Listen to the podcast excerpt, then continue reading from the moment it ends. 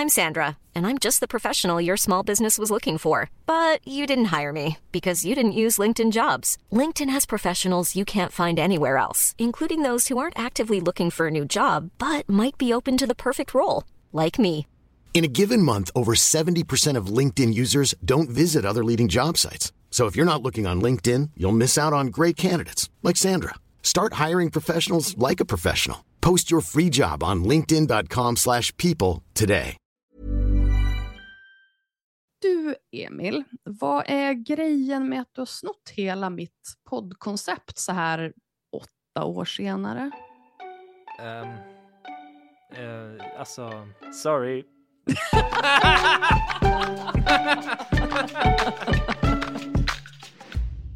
Men eh, ska vi börja riva av det här? Jag är, jag är så jävla redo nu. Jag brukar ju börja de här eh, poddarna med en presentation av gästen. Oj, det är alltid spännande att höra. Linda Hörnfeldt är blogg och sociala medieexpert och entreprenör och driver bland annat det egna bolaget Social Brand Lab från Lilla Husum utanför Örnsköldsvik. Dessutom är hon föreläsare och har skrivit boken Yrke influencer. Slutligen är hon också influencer själv med tiotusentals följare på Instagram, Facebook och TikTok. Linda har lite grann tagit på sig rollen som, i brist på ett bättre ord, en extra mamma i branschen och har genom åren varit drivande för att verka för bättre villkor för de som arbetar i branschen. Till exempel att de ska ta rättvist betalt för sitt arbete. Avslutningsvis är Linda också poddare och har bland annat en podd som heter We Are Influencer som också handlar om hur man blir just influencer. Låter det bekant? Kanske. Men nu är hon här. Linda! Hej! Det var typ rätt.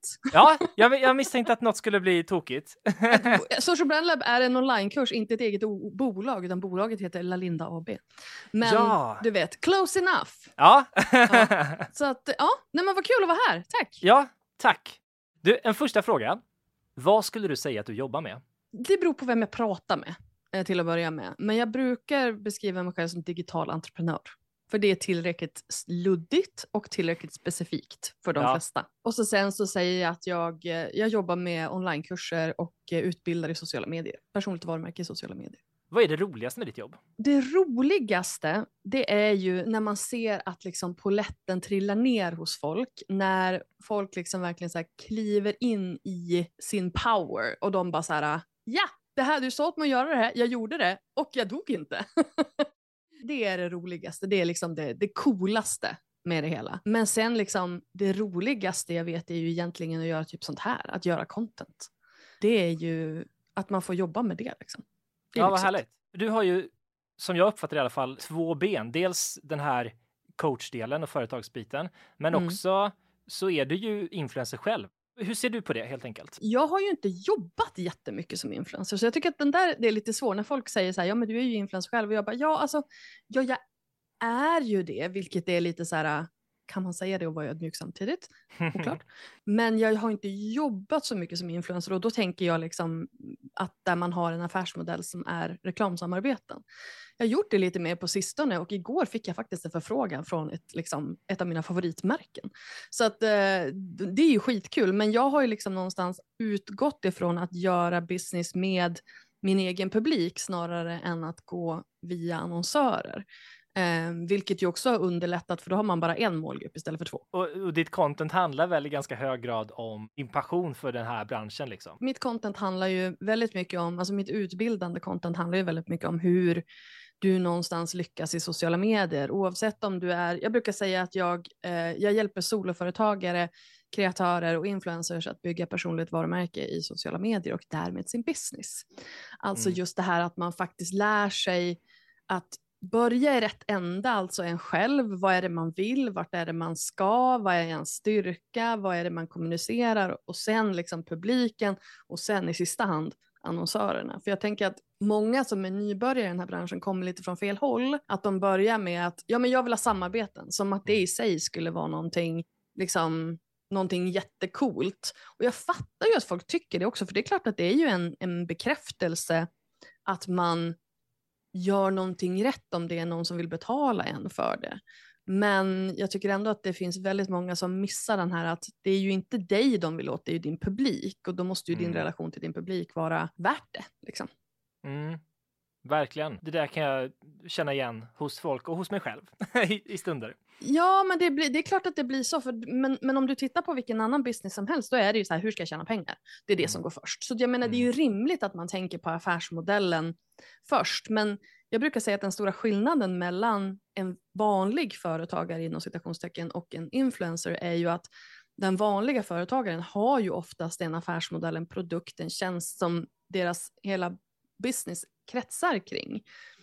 Och sen behöver de lära sig hur man bygger en relation och ett varumärke och, och content och hela den biten. Medan en influencer kommer ju från andra hållet att ha redan liksom förhoppningsvis då, jobbat upp bra content, en relation, ett varumärke och så sen sitter man där och bara jag har pengar, jag ska ha sådana också. Och då kommer liksom den, den biten in. Så att jag tänker att det är naturligt att man behöver fundera på en affärsmodell.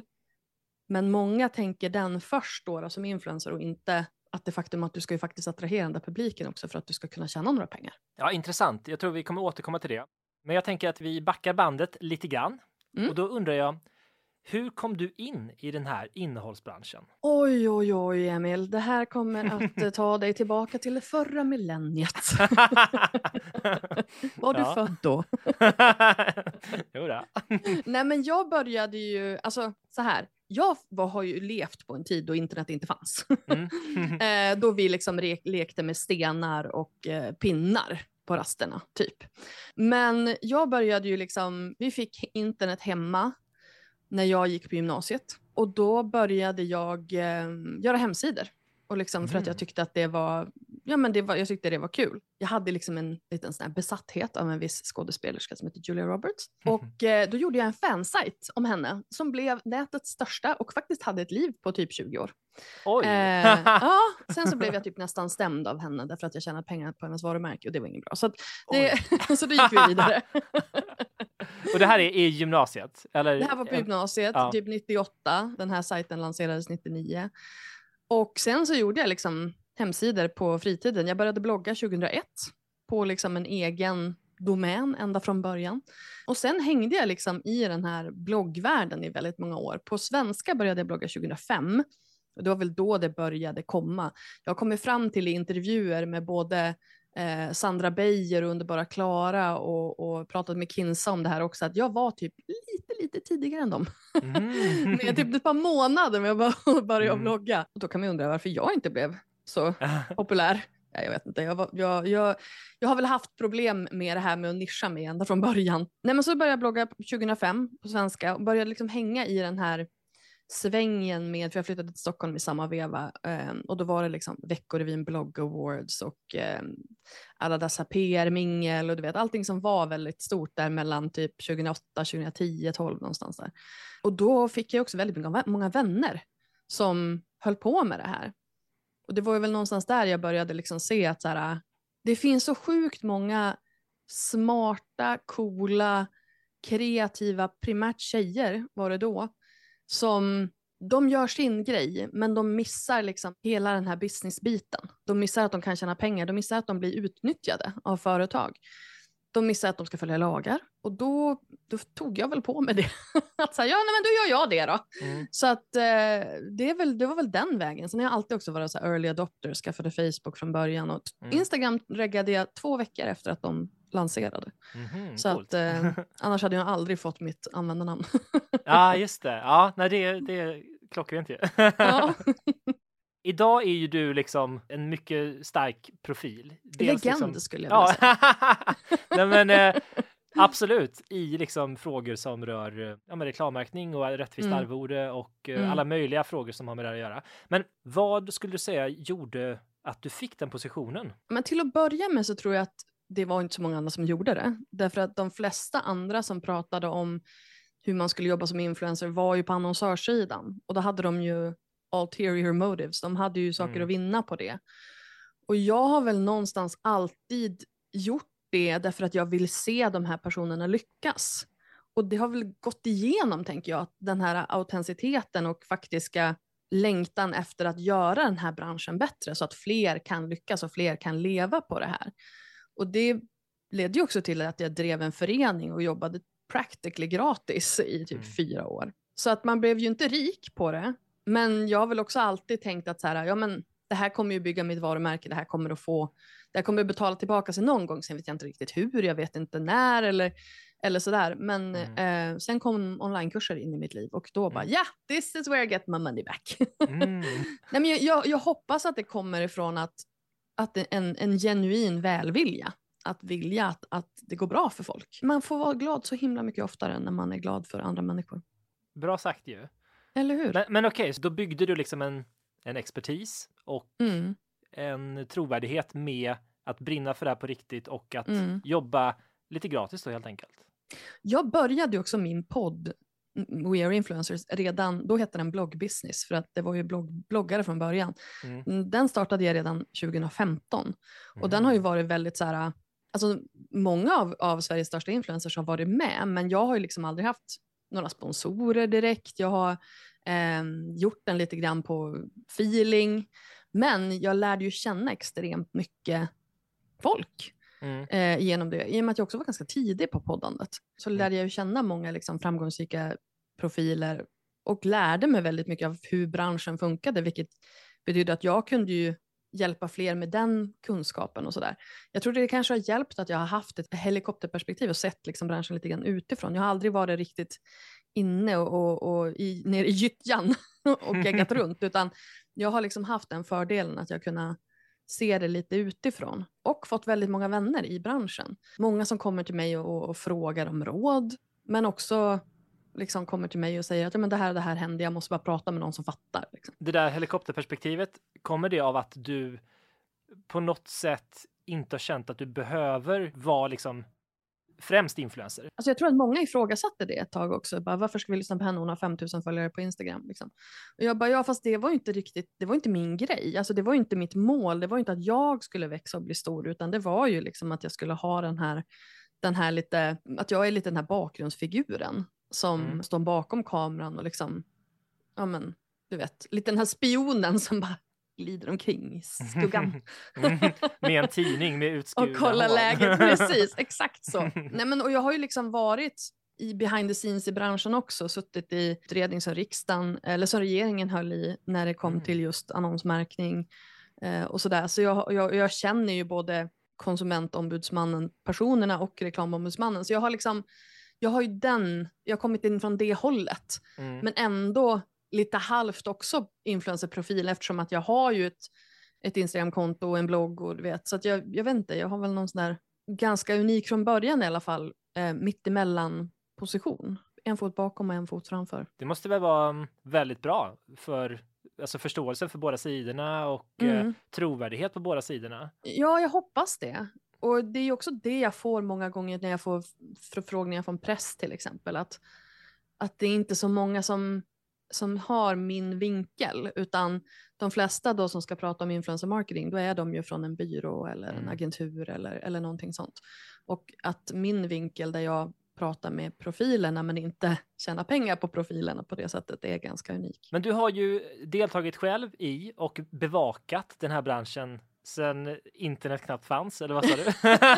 ja, någonting sånt. Och det har ju hänt eh, väldigt mycket, men jag tänker mig att vissa beteenden eller mekanismer lär ju vara ungefär de samma eftersom vi Mm. fortfarande är människor. Liksom.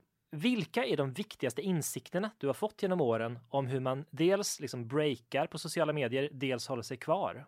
egentligen, kanaler spelar ingen roll. Alltså, det kommer nytt och det försvinner och visst, det är jättebra att vara tidig för att då kanske man får en extra spike på den kanalen. Men om du inte säger någonting som någon bryr sig om, om du inte är en person som är liksom genuin, som folk relaterar till, då spelar det ingen roll, för då kommer du inte att hålla i längden. Så att det bästa jag har, det som är liksom hållbart och som har funkat över tid, det är ju just det här, äh, behandla dina följare som dina kompisar, men ha också en ganska tydlig integritetsgräns, liksom hit men inte längre. Men just det här att bygga community med sina följare, det är ju det som har varit gemensamt för alla som det har gått väldigt bra för. Att ens följare får vara liksom en del i ens eget contentskapande i, i liksom livet på, på liksom olika nivåer. Eh, sen om det är liksom, ja men jag vet att till exempel Isabella Löwengrip förut frågade ju sina följare ofta innan tog fram, hon tog fram nya produkter. Om det var nya produkter till, eh, som det var när hon hade klädmärke där en liten, i en kvart, eh, och in, eller om det var hårprodukter eller vad det nu var för någonting. Så att man får vara med och ta fram nya produkter eller tycka till om en produkt man ska köpa eller vad det nu kan vara för någonting. Mm. Att man får vara med helt Mm. enkelt. Och sen är det ju liksom, alla kanaler fungerar ju i stort sett likadant. Vi vill ju komma nära, vi vill ju relatera till andra människor. Från början så var det ju mycket mer idolisera andra människor. Eller det, det gick väl lite så här i vågor. Från början så var det liksom, jag, jag drar, liksom den här lik, lik eh, eh, att det började någonstans i samband med Big Brother. Man fick så här, vara den här creepiga eh, grannen som sitter och glor på, på vad folk gör hela tiden. Man bara, gör folk så här? På det? Alltså, de är ju som jag, fast lite knäppare. Någonstans i den vevan så kom ju bloggarna och då kom den här fascinationen. Och sen så tror jag också att den här idoliseringen fanns ju där ett, ett tag då allting skulle vara så perfekt och man, man tittade på andra och bara åh gud, något fantastiskt liv, det kommer jag aldrig kunna få. Och det kommer ju någonstans ifrån 90-talsdivorna, tänker jag. Alltså, man tittar på Mariah Carey eller Whitney Houston eller du vet alla de här som hade sådana här ouppnåeligt liv och man tyckte att det var the shit. Mm. Men sen vände ju det också. Och sen så blev ju de stora de som faktiskt delar med sig. Taylor Swift tänker jag är ett jätte, jättebra exempel. Hon stalkar ju verkligen sina följare på TikTok och likar och skriver kommentarer och folk Mhm. älskar ju det. Och det är ju såklart Mm. en stor anledning till att hon är en av världens största artister. Så att jag tror att det är det som har hängt med. Det är just det här man, mänskligheten. Man vill känna igen sig, man vill känna sig mindre ensam. Ja, men så var personlig och eh, mänsklig helt enkelt. Ja, och sen måste du såklart ha en nisch. Du måste ju ha någonting som gör dig unikt och en, en krok varför man ska följa dig. Ja, Men det är inte det som gör att folk stannar. Det är det som gör att folk kommer, men det är inte det som gör att folk stannar. och de som då lyckats vara kvar i branschen länge. För det finns ju sådana exempel. Om man tittar på Kinsa, hon tycker jag är en person som har verkligen lyckats behålla det här. Och hon har ju börjat med YouTube nu igen och nu är hon ju tvåbarnsmamma, snart trebarnsmamma. Och att mycket handlar om det snarare än om det här glammiga livet. Sen är det klart Mm. att hon reser mycket och så, men när man ser på hennes främst YouTube-videos så är det ju väldigt relaterbart alltihopa Mm. med bajsblöjor och allt vad det är, sn- stressade småbarnslivet. Jag tror att de som har hållit länge, det är ju de som har byggt upp det här communityt, som har Mm. släppt in folk som verkligen bryr sig om sin publik.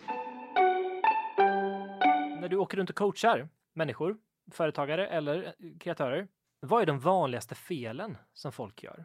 Och vilka råd är det du oftast måste ge? Det vanligaste är att man gör det mycket svårare än det. Mm.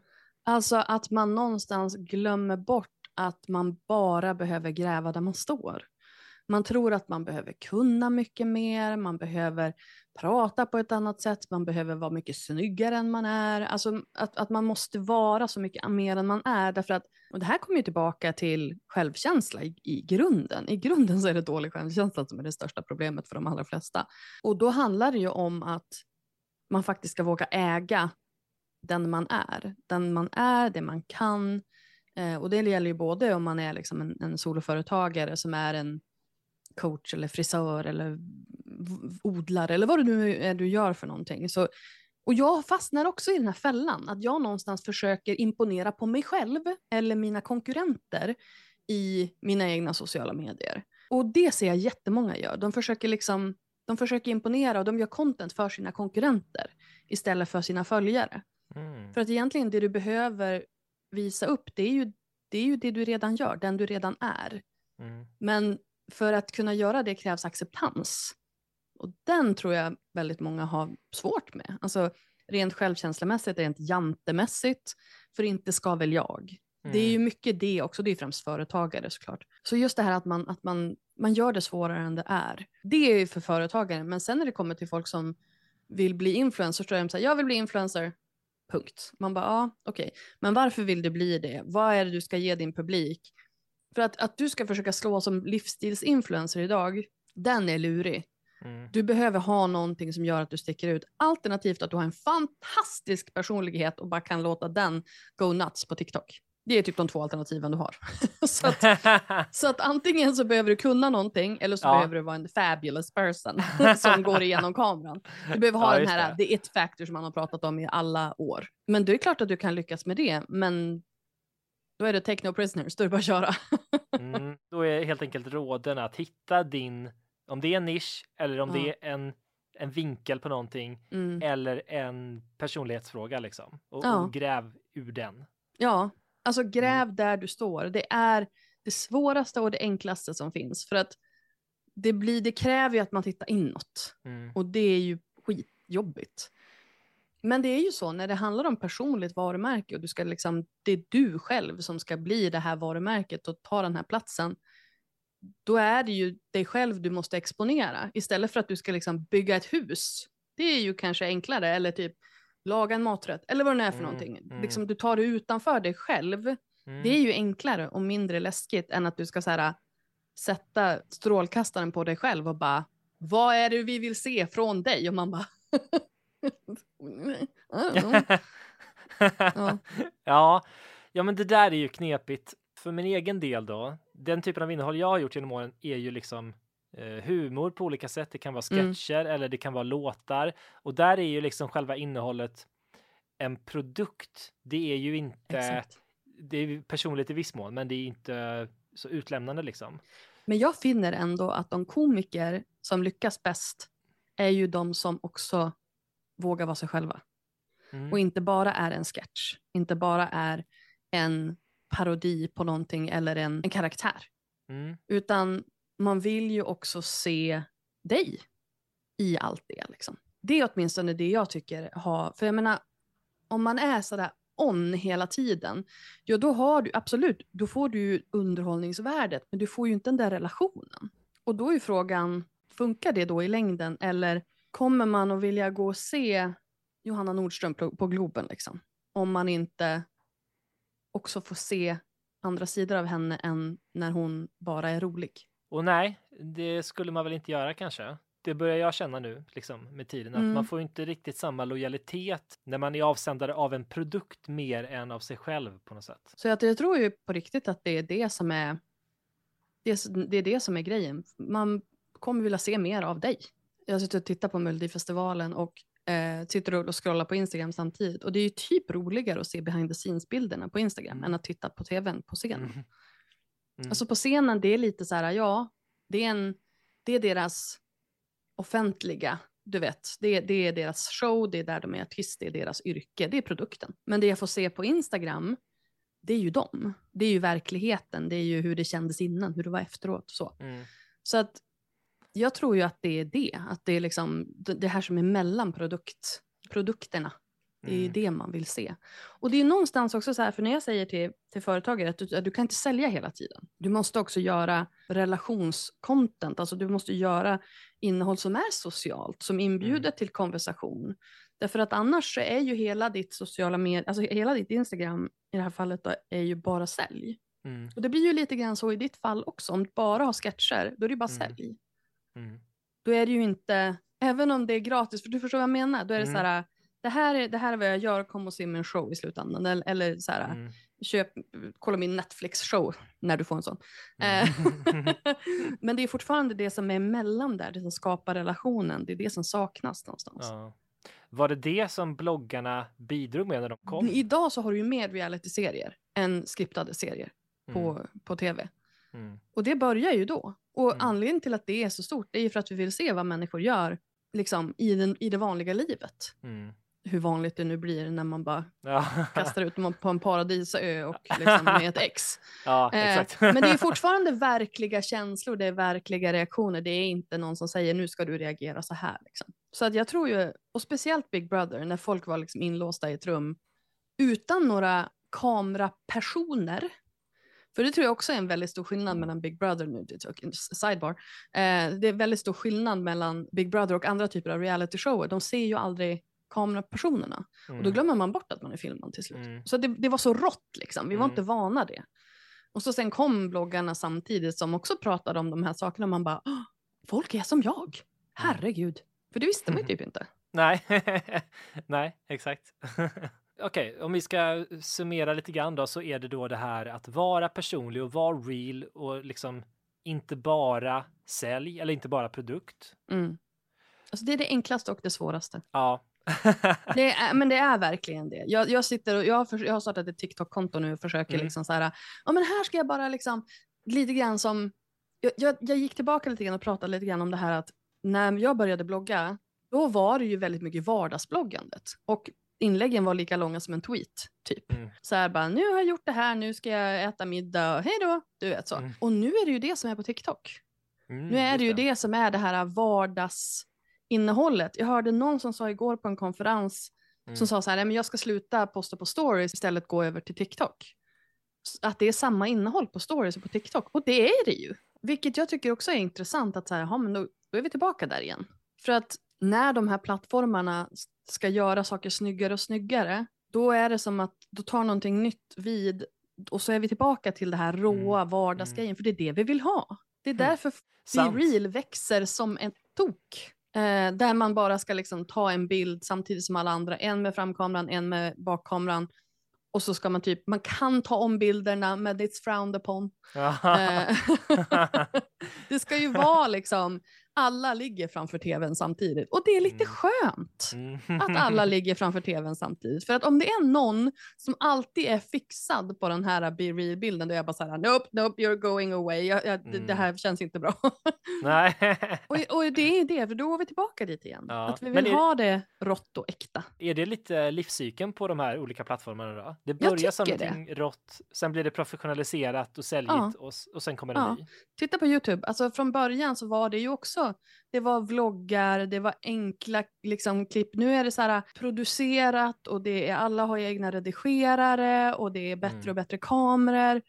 Vad händer då? Jo, då flyttar de till någon annanstans, till TikTok. Och det är det jag inte riktigt så här, om man tittar på Adam Mosseri då, som är chef på Instagram till exempel. Om man bara, och han bara, jag vill ha kreatörer som inspirerar och skapar det här och det här contentet. Och du vet när han har kreatörer som han då tipsar om, som gör skitsnyggt content. Men man bara, men det är inte det folk vill ha.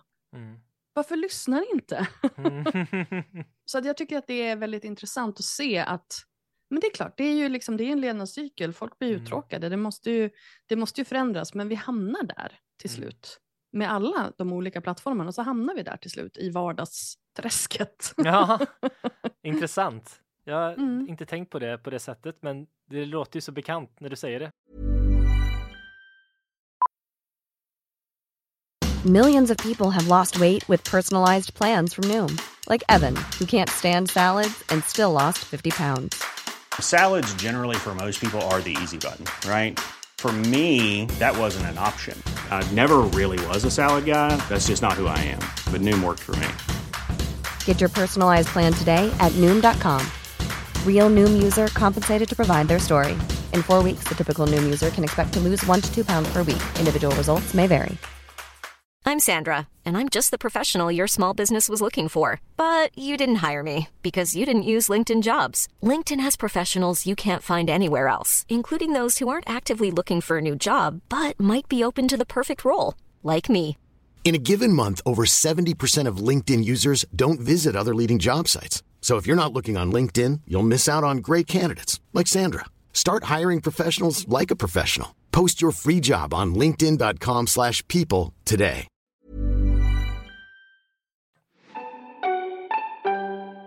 Vi har ju redan varit inne på det, men du har ju också skrivit den här boken Yrke influencer som eh, Mm. väl, eh, jag har läst den och man kan väl säga att den eh, bland annat ger ett antal liksom råd eller saker att fundera på innan man bestämmer sig för att försörja sig som influencer. Utan att spoila den, kan du bara dra det vi inte redan har varit inne på?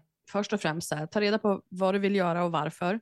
Eh, vilka kanaler du vill finnas i, eh, vem du pratar med. Alltså just det här också att tänka på vad du har för målgrupp. För många Mm. tror jag, eh, jag brukar alltid säga så här, men du, om du, du ska ha en person och det, hand, det här, när du väljer ut din idealföljare, vem är det du vill prata med, vem gillar du? Det betyder inte att alla andra inte får vara med.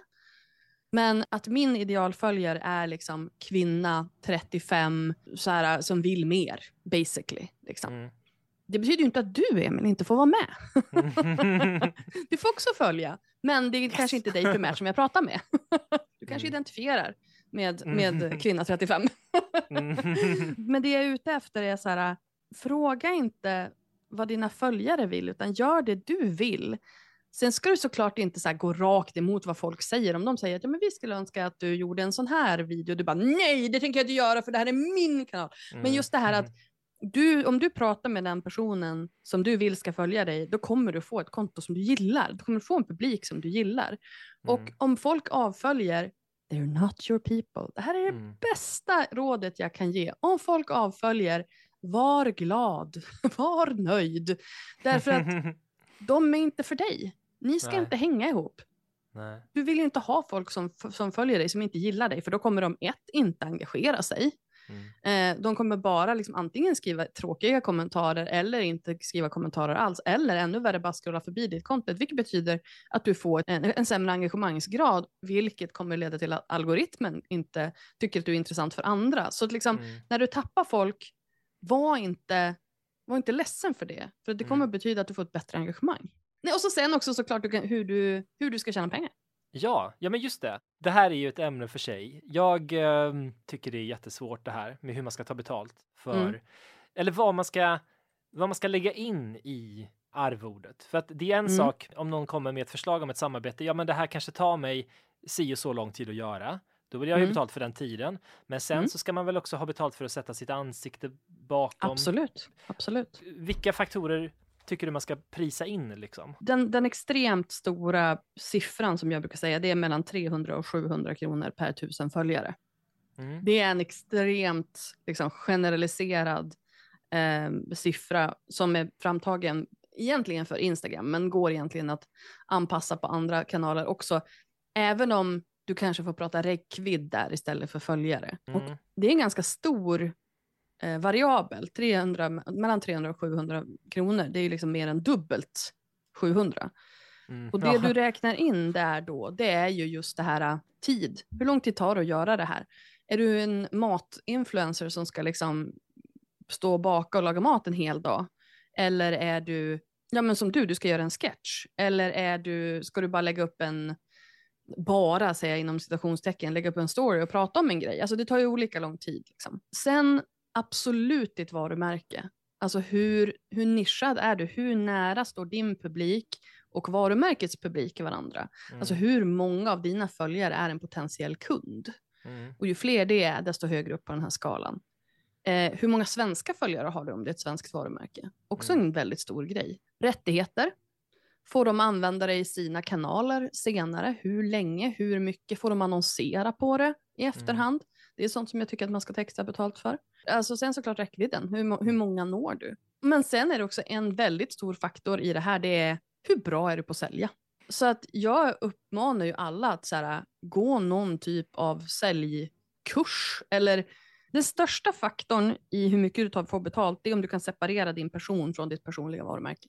Mm. Om du inte tar betalt baserat på att nej men inte ska väl jag, jag är Mm. inte någonting som är jättebra. Eller om du säger det här är mitt företag, jag är vd, vdn blir inte jätteglad om jag tar för lite betalt. Mm. Olika hattar liksom och, och Ja. att lära sig att separera de två, det är en jättestor grej. Och skitsvårt, men det är ändå Ja. så här, jag säger, jag säger inte att de här grejerna är enkla, men Nej. jag säger att det är så här, det är sånt som du behöver tänka på och försöka kliva ut ur den här, nej men inte ska väl jag, och tänka Ja. på att fast nu driver jag företag, jag behöver ta betalt. Mm. Och ta aldrig någonsin emot produkter i utbyte mot exponering, om det inte är en väldigt, väldigt, väldigt dyr produkt. Och du Mm. väldigt, väldigt, väldigt gärna vill ha den. ja.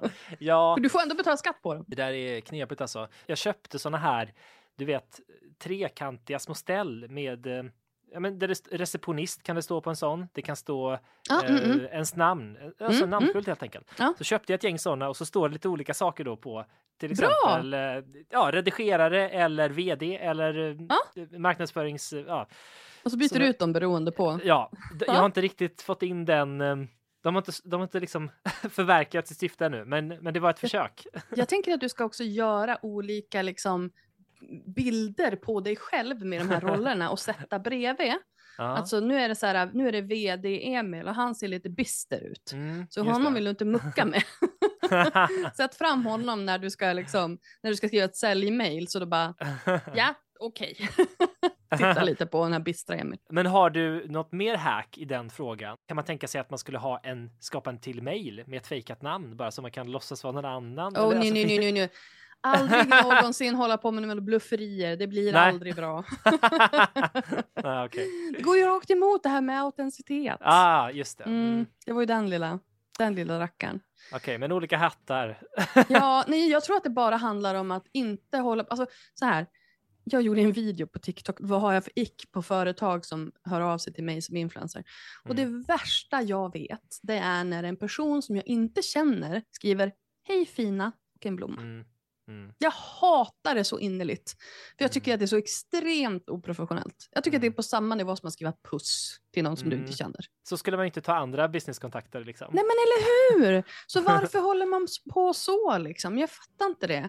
Eh, Hej fina du och så sen hjärtan och jag är bara, jag bara total ignorerar det. Jag bara ja ja. Mm. Alltså var saklig. Var saklig. Mm. Det här har jag erbjudit. Sätt ihop ett mediakit. Och i det mediakittet så ska du ju ha, vem är du? Vad har du för och där är det jätte- jätteviktigt, målgrupp. Håll inte på att babbla på om dig själv alldeles för länge. Det är ingen som bryr sig vad du har för utbildning eller whatever. Om det inte är relevant för din Mm. nisch. Utan så här, äh, vad kan du erbjuda för någonting? För att i slutändan så vill ju kunden vill ju veta vad du kan göra för dem. När du skriver ett mejl till Mm. ett företag så skiter de ju i att jag tror att jag skulle kunna göra, jag skulle vilja ha bla bla bla. Det spelar ingen roll.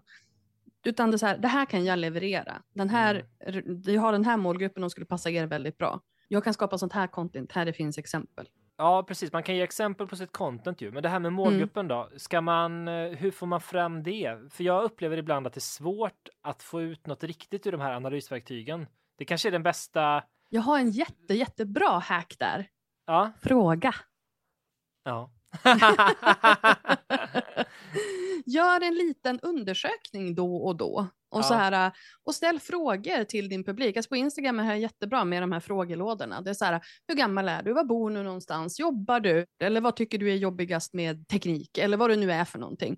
Och så Mm. att man får in lite rull på det där, snurr på det där. Och då ser du också, du ser dels vilka som är engagerade. Mm. Eh, men så får du också en massa svar. Mm. Och sen så är det väl också så att du ser också i dina DMs, du ser i dina kommentarer, men att man liksom har det i bakhuvudet hela tiden att så här, jag behöver lära mig mer om min målgrupp hela tiden för att kunna förklara för, för eh, mina annonsörer varför de ska jobba med mig. Och det är ju det absolut enklaste sättet. Absolut att du kan få fram så här, hur många procent bor i Sverige, Mm. eh, hur många är män och kvinnor, hur gamla är de och sådär. Mm. Det är ju hygienfaktorer. Men just det här att lära sig lite så kvalitativ statistik om dem, kvalitativ Mm. information eh, om sin målgrupp, det tror jag är minst lika viktigt. Både Mm. för dina annonsörer men också för dig för att du ska veta vilket, vilket typ av content de vill ha. Jag har gjort snart 30 avsnitt av den här Mm. podden och vi har typ aldrig pratat om målgrupp på det här sättet. Man glömmer liksom bort det. Och det är det viktigaste. De Ja, är ju de viktigaste. Det är väldigt konstigt, men det är lite som att man, man uppfattar det i alla fall som att man säljer annonser på sitt prenumerantantal, tycker jag. Mm, mm. Och det är ju inte riktigt sant. Nej, det är det ju definitivt inte. Och allting handlar ju om hur många som är engagerade, engagerade och hur många som litar på dig i slutändan. Mm. För det är de som kommer köpa produkten. Liksom. Och Mm. sen ska de ju ha ett behov såklart. Men om de följer dig bara för att du är rolig, och, och det, är liksom, det är fullgott i sig, men om, där, där i kommer inte tilliten. Liksom. Jag tänker att just de här, de här samtalen som man har är ju superviktiga Mm. eh, för att förstå sin målgrupp. Och att sälja på följare eller prenumeranter, ja, det gör, jag menar, så här, det gör alla och det är väl fine.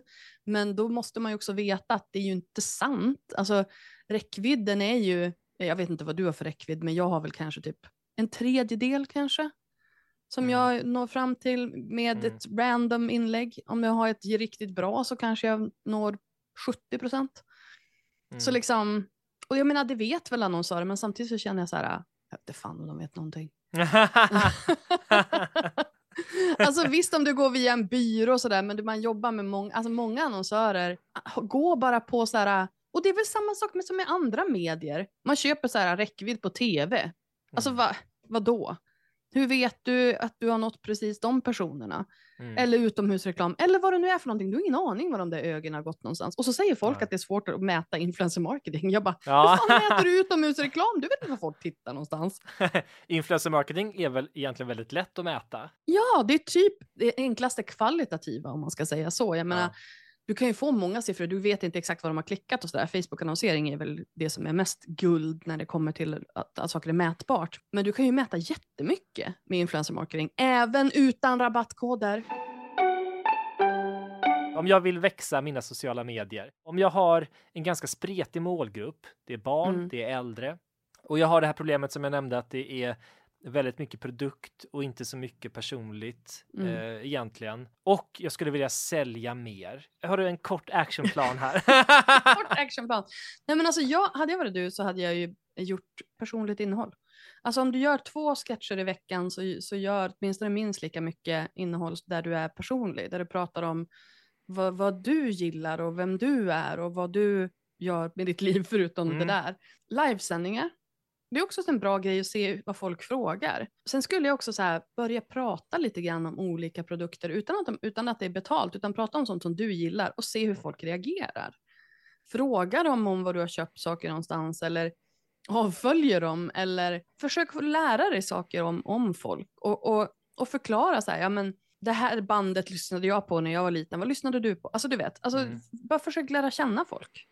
Som du skulle lära känna en vanlig kompis. Jag tror det handlar mycket om det, att försöka komma dem närmare. Och just det här att prata med den personen som du vill ha som din kund. Och sen också försöka så här kika på vilka är det som är mest engagerade. Är det blandat då de som är unga och gamla eller är det folk som är mer intresserade av musik eller är det folk som är intresserade av godis? Eller, vad- alltså, vad, är- Mm, vad, är- mm. vad, vad, är liksom, vad finns det för gemensamma nämnare?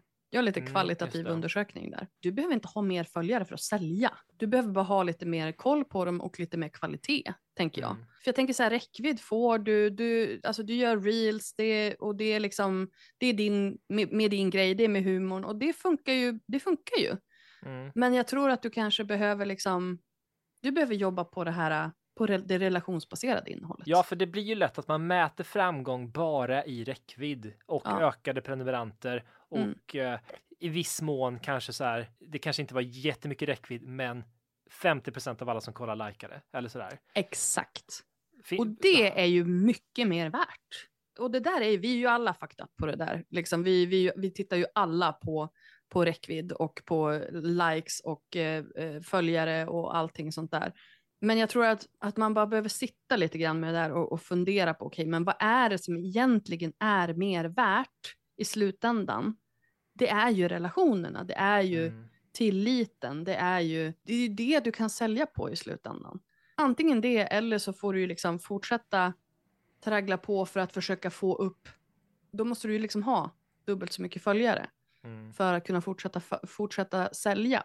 Men jag tror så här, en långsiktig bättre strategi är ju relationen. Därför att om du inte är relaterbar och folk gillar dig, då är du expendable. När det kommer en ny kul kille, då, då är du utbytt liksom. Mm. Så att man måste gilla dig och vilja fortsätta hänga med dig även när du inte är rolig. För att, Mm. det, ska, för att det ska hålla i längden, tänker jag. Eller så måste du omarbeta humorn var femte år för att liksom hänga med. Och det kan ju också vara en del i det. Men nu är du ju inte bara komiker, nu är du ju också influencer. Mm. Och då tänker jag att då behöver du ha båda de delarna. Jag är inte så teknisk med, med system och strukturer och lösningar, men Mm. den lilla interaktion vi haft hittills så uppfattar jag att du har väldigt smarta system för allting. Mm. Det kommer en länk och det står alla instruktioner jag behöver och nu hade vi lite strul ändå, men liksom allting var upp. Det var ditt lagt- fel. Ja, allt var upplagt för att funka smidigt och du hade någon kalenderinbjudan. Nej, men jag älskar ju sånt. Jag har ju SAS-lösningar för allt. Alltså SAS är ju så här, eh, software as a service. Mm. Det är ju liksom alla webbaserade, typ allt från Dropbox och Google Drive till den här Calendly som jag använde för att, för att bjuda in dig till, till Zoom för att ha podd i och sådär. Nej men jag har skitmycket sånt. Och, alltså jag har ADHD och jag byter ju också sådana här tjänster som trosor. Typ. Alltså, nej, men alltså, jag, har ju, jag har ju inget, jag har inget attention span, så jag bara åh ny grej, shiny thing, shiny thing. Och så springer jag dit. Så att jag, jag har lite för många sådana här tjänster. för att jag tycker att det är kul. Men jag Ja. älskar också att hitta sätt att underlätta mitt liv. Automatisera saker som jag inte behöver göra. Jag Ja. är väldigt lat. Lathet är liksom the shit när det kommer till att effektivisera sitt liv. Vilka är dina bästa sådana här lathetsverktyg? Ja, men det, här, det här är faktiskt, just det här med möten, ja, det, mitt bästa det är väl att leja bort Mm. till någon annan. Eh, men just den här, eh, det här med mötesbokningar, att istället för att sitta, "Ja, kan du då? Nej, jag kan inte då. Kan du då? Nej, jag kan inte då. Då har jag en, en kalender som jag skickar folk till. Så här, här, boka in ett möte när du kan. Och så har jag, då är den synkad till min kalender. Eh, och jag har ju bara en digital kalender. Det här med fysiska kalendrar skulle aldrig fungera för den är ju aldrig med. Den är aldrig där jag ska ha den. Min telefon sitter ju fast i min hand. Liksom. Så att den här tjänsten, då som heter, tjänsten som heter Calendly, då kan jag skriva in så här, de här, de här dagarna vill jag ha möten. Eh, och så sen så om jag då har ett annat möte inbokat som jag har lagt in i min kalender, då synkar den ju med den här tjänsten så man kan inte kan boka den tiden då. Och så sen så kopplar man ihop det med Zoom så får man automatiskt också en länk till mötet. Eh, och är det någonting man behöver veta så kan man fylla i det där. Det är så bra. Det är Mm. så effektivt. Mm, mm, mm. Ja, det var väldigt smidigt. Det Mm. ska jag kika på. Och sen har jag en, en tjänst som heter Frame. Som jag, har, jag har ju en, en tjej som klipper mina YouTube-videos. Och då har jag en, för jag tänker du som, som också Mm. eh, YouTuber och video, videoperson. Då, då är det liksom ett ställe där man då laddar upp alla videoklipp. Så kan man ju liksom, man kan döpa om dem, man kan lägga in kommentarer på dem. Och sen i slutändan när, när hon har liksom klippt ihop det färdigt så laddar hon upp det där. Och så sen kan jag gå in och sätta kommentarer på exakt de ställena där jag vill ha dem, där jag vill ha ändringar. Det är också så här äh, perfekt grej. En annan grej som jag tänkte på. Den här branschen är ju i viss mån Stockholmscentrerad. Japp. Jag bara japp, det var, det var någonting jag verkligen märkte när jag flyttade från Stockholm. Berätta. Nej men alltså jag, jag bodde i Stockholm i 12 år eh, och sen flyttade jag hem till Örnsköldsvik 2018. Och alltså allting försvann. Alla, alla inbjudningar, alla, alla pressförfrågningar. Vilket är också så här konstig grej att pressförfrågningarna försvinner för att man flyttar. Liksom. Jättekonstigt. Nej, men och sen är det också så här, det, det, det, här finns det inga event. Det finns, alltså man, får ju, man får ju skapa sin egen lilla bubbla. Men det Mm. jag tycker är tråkigast det är ju just det här att just media bara pratar om i stort sett storstadsbaserade influencers. Och det finns ju så många andra som, som gör så mycket annat Mm. än ja, men de som alltid syns i media. Och, jag, och också som har så mycket andra nischer. Eh, jag, jag tar alltid Sara Bäckmo som exempel. Sara Bäckmo är, jag vet inte hur gammal hon är, nu kommer jag säkert att fucka upp det här, men hon är väl runt 45 och är typ Europas största, inte Europa, nu tog jag nog Nordens största trädgårdsbloggare. Och har, driver liksom en medlemssajt som hon har drivit i jättemånga år, tjänar skitmycket pengar, har en massa anställda. Alltså hon är ju en riktig entreprenör. Liksom. Gammal SVT-anställd, sommarpratare, eh, författare och tycker vi fem, sex böcker. Aldrig sett någon skriva om henne. Jonna Jinton, hon var, hon var ju visserligen med på Maktbarometern för att hon har typ vadå, 3,5 miljoner prenumeranter. Alltså, jag kände henne innan hon typ skaffade YouTube. Jag vet att jag dissade hennes videos från början för att hon var så himla så här, hon bara kameran flyttade, man blev åksjuk av att se hennes Aha. videos. Så jag bara, Jonna du, du kan inte filma så där, jag blir åksjuk. Och nu så har hon Ah. 3,5 miljoner prenumeranter typ. Jag vet inte, Mm. nu, nu har hon säkert fler. Och det är så här, henne hör man aldrig någonting om. Alltså du vet sådana där grejer, att man, att Mm. man, hon bor ju i, liksom, ute på vischan här i Ångermanland, eh, Mm. Öviks kommun till och med. Så Mm. liksom, så ja, så det är ju sådana här grejer som jag, som kan vara lite frustrerande. Men du, din business är huvudsakligen online då, Mm. förstår jag. Mm. Och det funkar då att köra från eh, Husum? Eller Ja, från, nu har jag eh, fått fiber. Ja, Jag fick fiber förra våren och det har förändrat mitt liv. Innan det så satt jag på mobilt internet. Då Ja. fick man inte köra en, en backup på Dropbox samtidigt som man Mm. hade ett videomöte för då gick det åt skogen. Mm. Eh, men nu så, nu är, nu är vi back in business. Nej men alltså jag, jag föreläser fysiskt ibland. Men liksom 99% av min business är ju digital. Men var det en konsekvens av att du flyttade eller var det en, liksom, något du ville göra ändå? Var onlinebaserat? nej men det var en, det var, ja, det var en plan. Mm. Alltså de, de gick ju hand i hand lite grann. 2018 när jag flyttade hem, då eh, min primära inkomst det året var föreläsningar. det är sex timmar med tåg från Övik till Stockholm och många av de här föreläsningarna var också söder om Stockholm. Mm. Så att eh, det var jäkla flängande Mm. det halvåret. Men då hade jag, när jag bestämde mig för att flytta hem, då hade jag bestämt mig att så här, innan 2018 är slut, till 2019 ska min business vara helt onlinebaserad. Mm. Så att hösten 2018 ägnade jag ju att bygga min första onlinekurs, Social Brand Lab. Och, den, eh, och så lanserade jag den i januari 2019. Drog in en halv Mm. miljon på första Mm. lanseringen.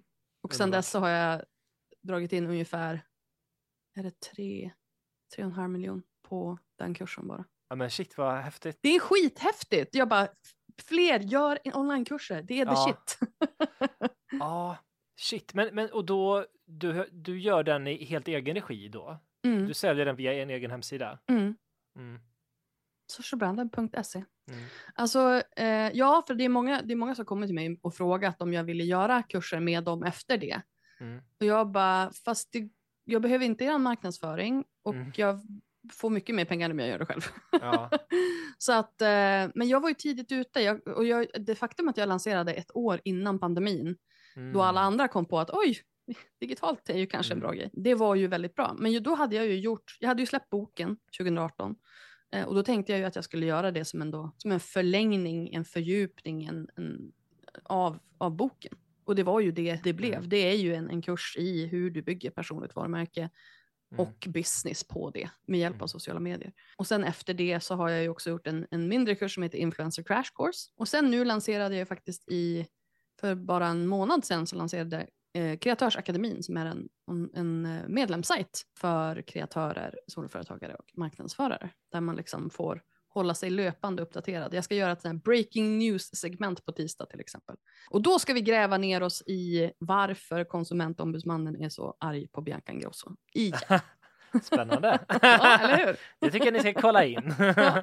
ja men häftigt. Och jag tänker att eh, jag, har ju, jag följer ju det på lite olika ställen och jag uppfattar som en röd tråd att du anser att man bör ha affären själv mellan sig Mm. själv och sin målgrupp. Absolut. Vad kan man ha för attityd för att hitta sin produkt eller tjänst på det man själv är bra på liksom? Alltså det går ju trender i det där också. Men jag tycker ju att onlinekurser är väldigt bra för att alltså det, det, jag tycker att det är enklare att sälja än att sälja typ små kurser som, som till exempel ett template eller en föreläsning. För du måste, du måste sälja så extremt mycket för att komma upp i volym. Liksom. Mm. Och då måste du marknadsföra mycket mer för att sälja mer och sådär. Om du gör en onlinekurs, oftast så har du, eller så här, alla som är stora i sociala medier har någonting som de kan bättre än någon annan. Sen om det är hur man blir stor i sociala medier eller om det är odling eller smink eller vad det nu är för någonting. Du, du, du har humor, du, har liksom den, du, kan, du, du kan göra en kurs i så, här, hur, så blir du komiker. Mm. Så blir du rolig på internet. Mhm. För det, det är klart att det finns liksom strategier bakom det. Det finns mer än bara så här, säg något kul, såklart. Mm. Mm. Det kan du göra en kurs om. För att Mm. grejen är den, och, och, så, och då säger alla så här, ja men vadå, det går ju att googla sig till. Allting går att googla sig till. Ja, det gör det. Men när du googlar så kommer du aldrig veta ett, vad som är bra och rätt information. Därför att det är inte säkert att det är någon som du har talat om tidigare som du, som du liksom får upp den här informationen från. Och då måste du liksom googla på massa olika grejer och sätta ihop det i rätt ordning och så vet du kanske inte om det här ska vara före eller efter det och om det blir rätt. Alltså det jag säljer det är ju en, ett ramverk från A till Ö där allting är kurerat. Jag har plockat in det som är viktigt och plockat bort det som inte är viktigt. Det är i rätt ordning, det är varken för mycket eller för lite och du får det serverat med en liten rosett. Mm. Och det är det du betalar för. Mm. Det är inte nödvändigtvis kunskapen utan det är det att den är kurerad, den är presenterad på ett väldigt lättillgängligt sätt plus att den är från mig. Mm. Alltså Mm. just det här, det är här det personliga varumärket kommer in. Mm. Att folk ska ju vilja köpa av mig min kurs om sociala medier istället för någon annans kurs om sociala medier. Och där, där faller det ju in jättemycket att det är jag på mitt sätt med min röst, med min tonalitet på mitt sätt. Och det är det de köper också, därför att din Mm. publik vill ju höra saker från dig Mm. och inte från någon annan. Så att jag tänker att det är det. Liksom, titta på Mm. vad, vad kan du sätta ihop. Det behöver inte vara liksom, en hel sociala mediestrategi med business. Det kan vara så här, jag har en elev som gjorde så här, så här gör du en blomsterkrans. Du kanske inte kan ta 10 000 för den, men du kan ta 500 för den. Ja. Eftersom att det är du och du är expert och, de, och din publik vill lära sig av dig. Men när du har en sån här onlinekurs, är det då ett i hög grad förinspelat material? Till exempel, Ja, det är bara förinspelat. Ja, så du, du kan liksom sälja samma material hundra gånger om, tusen gånger Japp. om.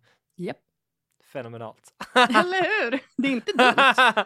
Det jag gör egentligen under, för jag släpper en modul i veckan för att man liksom ska, ja men för att man, för man ska få samhörighet i gruppen som gör det här. Och så har vi en, en Facebookgrupp. Nu kommer jag nog att använda en annan teknisk lösning, men vi kommer ha liksom en, en, en grupp som kan diskutera sinsemellan. Och så sen har jag en livesändning i veckan där jag svarar på Mm. frågor. Mm. Men ne- det är ju egentligen när jag väl har sålt kursen, det är ju lanseringen som är den största grejen. Men när jag väl har sålt kursen, då har jag en timme i veckan som jag behöver liksom vara på en viss plats. Men när du tog fram den här kursen, Ja, då hade du redan coachat eh, tidigare, va? Mm, Så du visste vad folk ville lära sig? Ja, och jag gjorde ju också en, en gedigen eh, marknadsundersökning Mm, innan. Mm. Eh, jag pratade ju både med, liksom, ja men främst pratade jag väl med influencers då eftersom att det var det jag hade, de som hade läst boken till exempel och sådär. Så att, och det här säger jag ju till alla så här, kolla om det är någon som vill ha det du köper Ja. innan, du, innan du skapar det, speciellt om det är en kurs som tar månader att göra. Mm. Eh, så liksom så här, prata med folk och sen kan man ju också göra så att eh, det finns ju en strategi i det här som är att sälja kursen innan du har gjort den.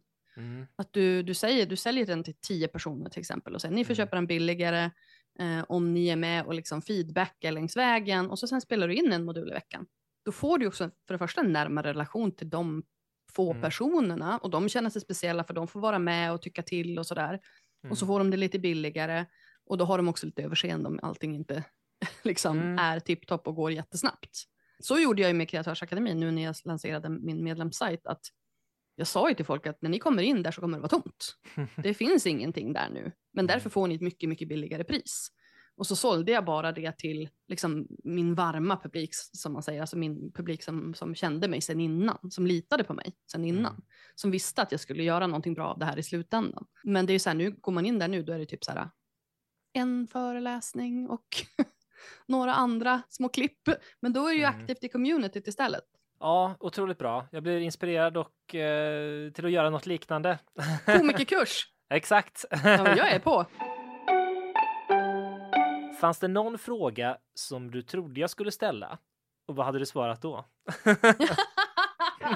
det där är ett jävligt snyggt sätt att så här, är det någonting jag har glömt? Ja, och det är också ett bra sätt. Folk brukar, jag trodde du skulle fråga hur mycket jag tjänar och så måste de svara på det då sen. ja, nej, liksom det har jag ju redan berättat nu då. Ja, nej men jag bara, folk... eh, Nej, alltså grejen är den att du är lite unik i det här, för jag är ju sällan med i poddar. Jag är ju Mm. snarare den som, den som har, den som ställer frågorna. Så att mm. jag tycker bara det är spännande att se vilka typer av frågor det är som, det är som kommer. Men det var jätteroligt. Ja, verkligen.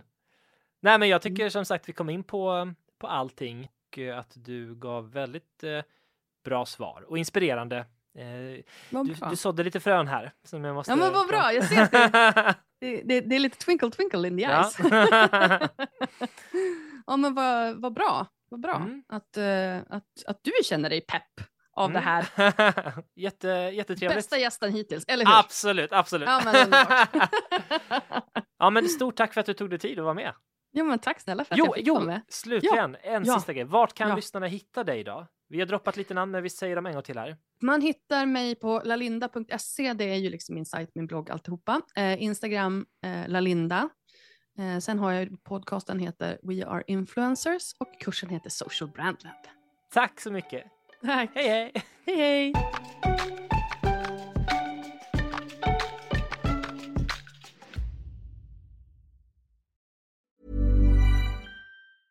Planning for your next trip? Elevate your travel style with Quince. Quince has all the jet setting essentials you'll want for your next getaway, like European linen, premium luggage options, buttery soft Italian leather bags, and so much more. And is all priced at 50 to 80% less than similar brands. Plus, Quince only works with factories that use safe and ethical manufacturing practices. Pack your bags with high-quality essentials you'll be wearing for vacations to come with Quince. Go to quince.com slash pack for free shipping and 365-day returns.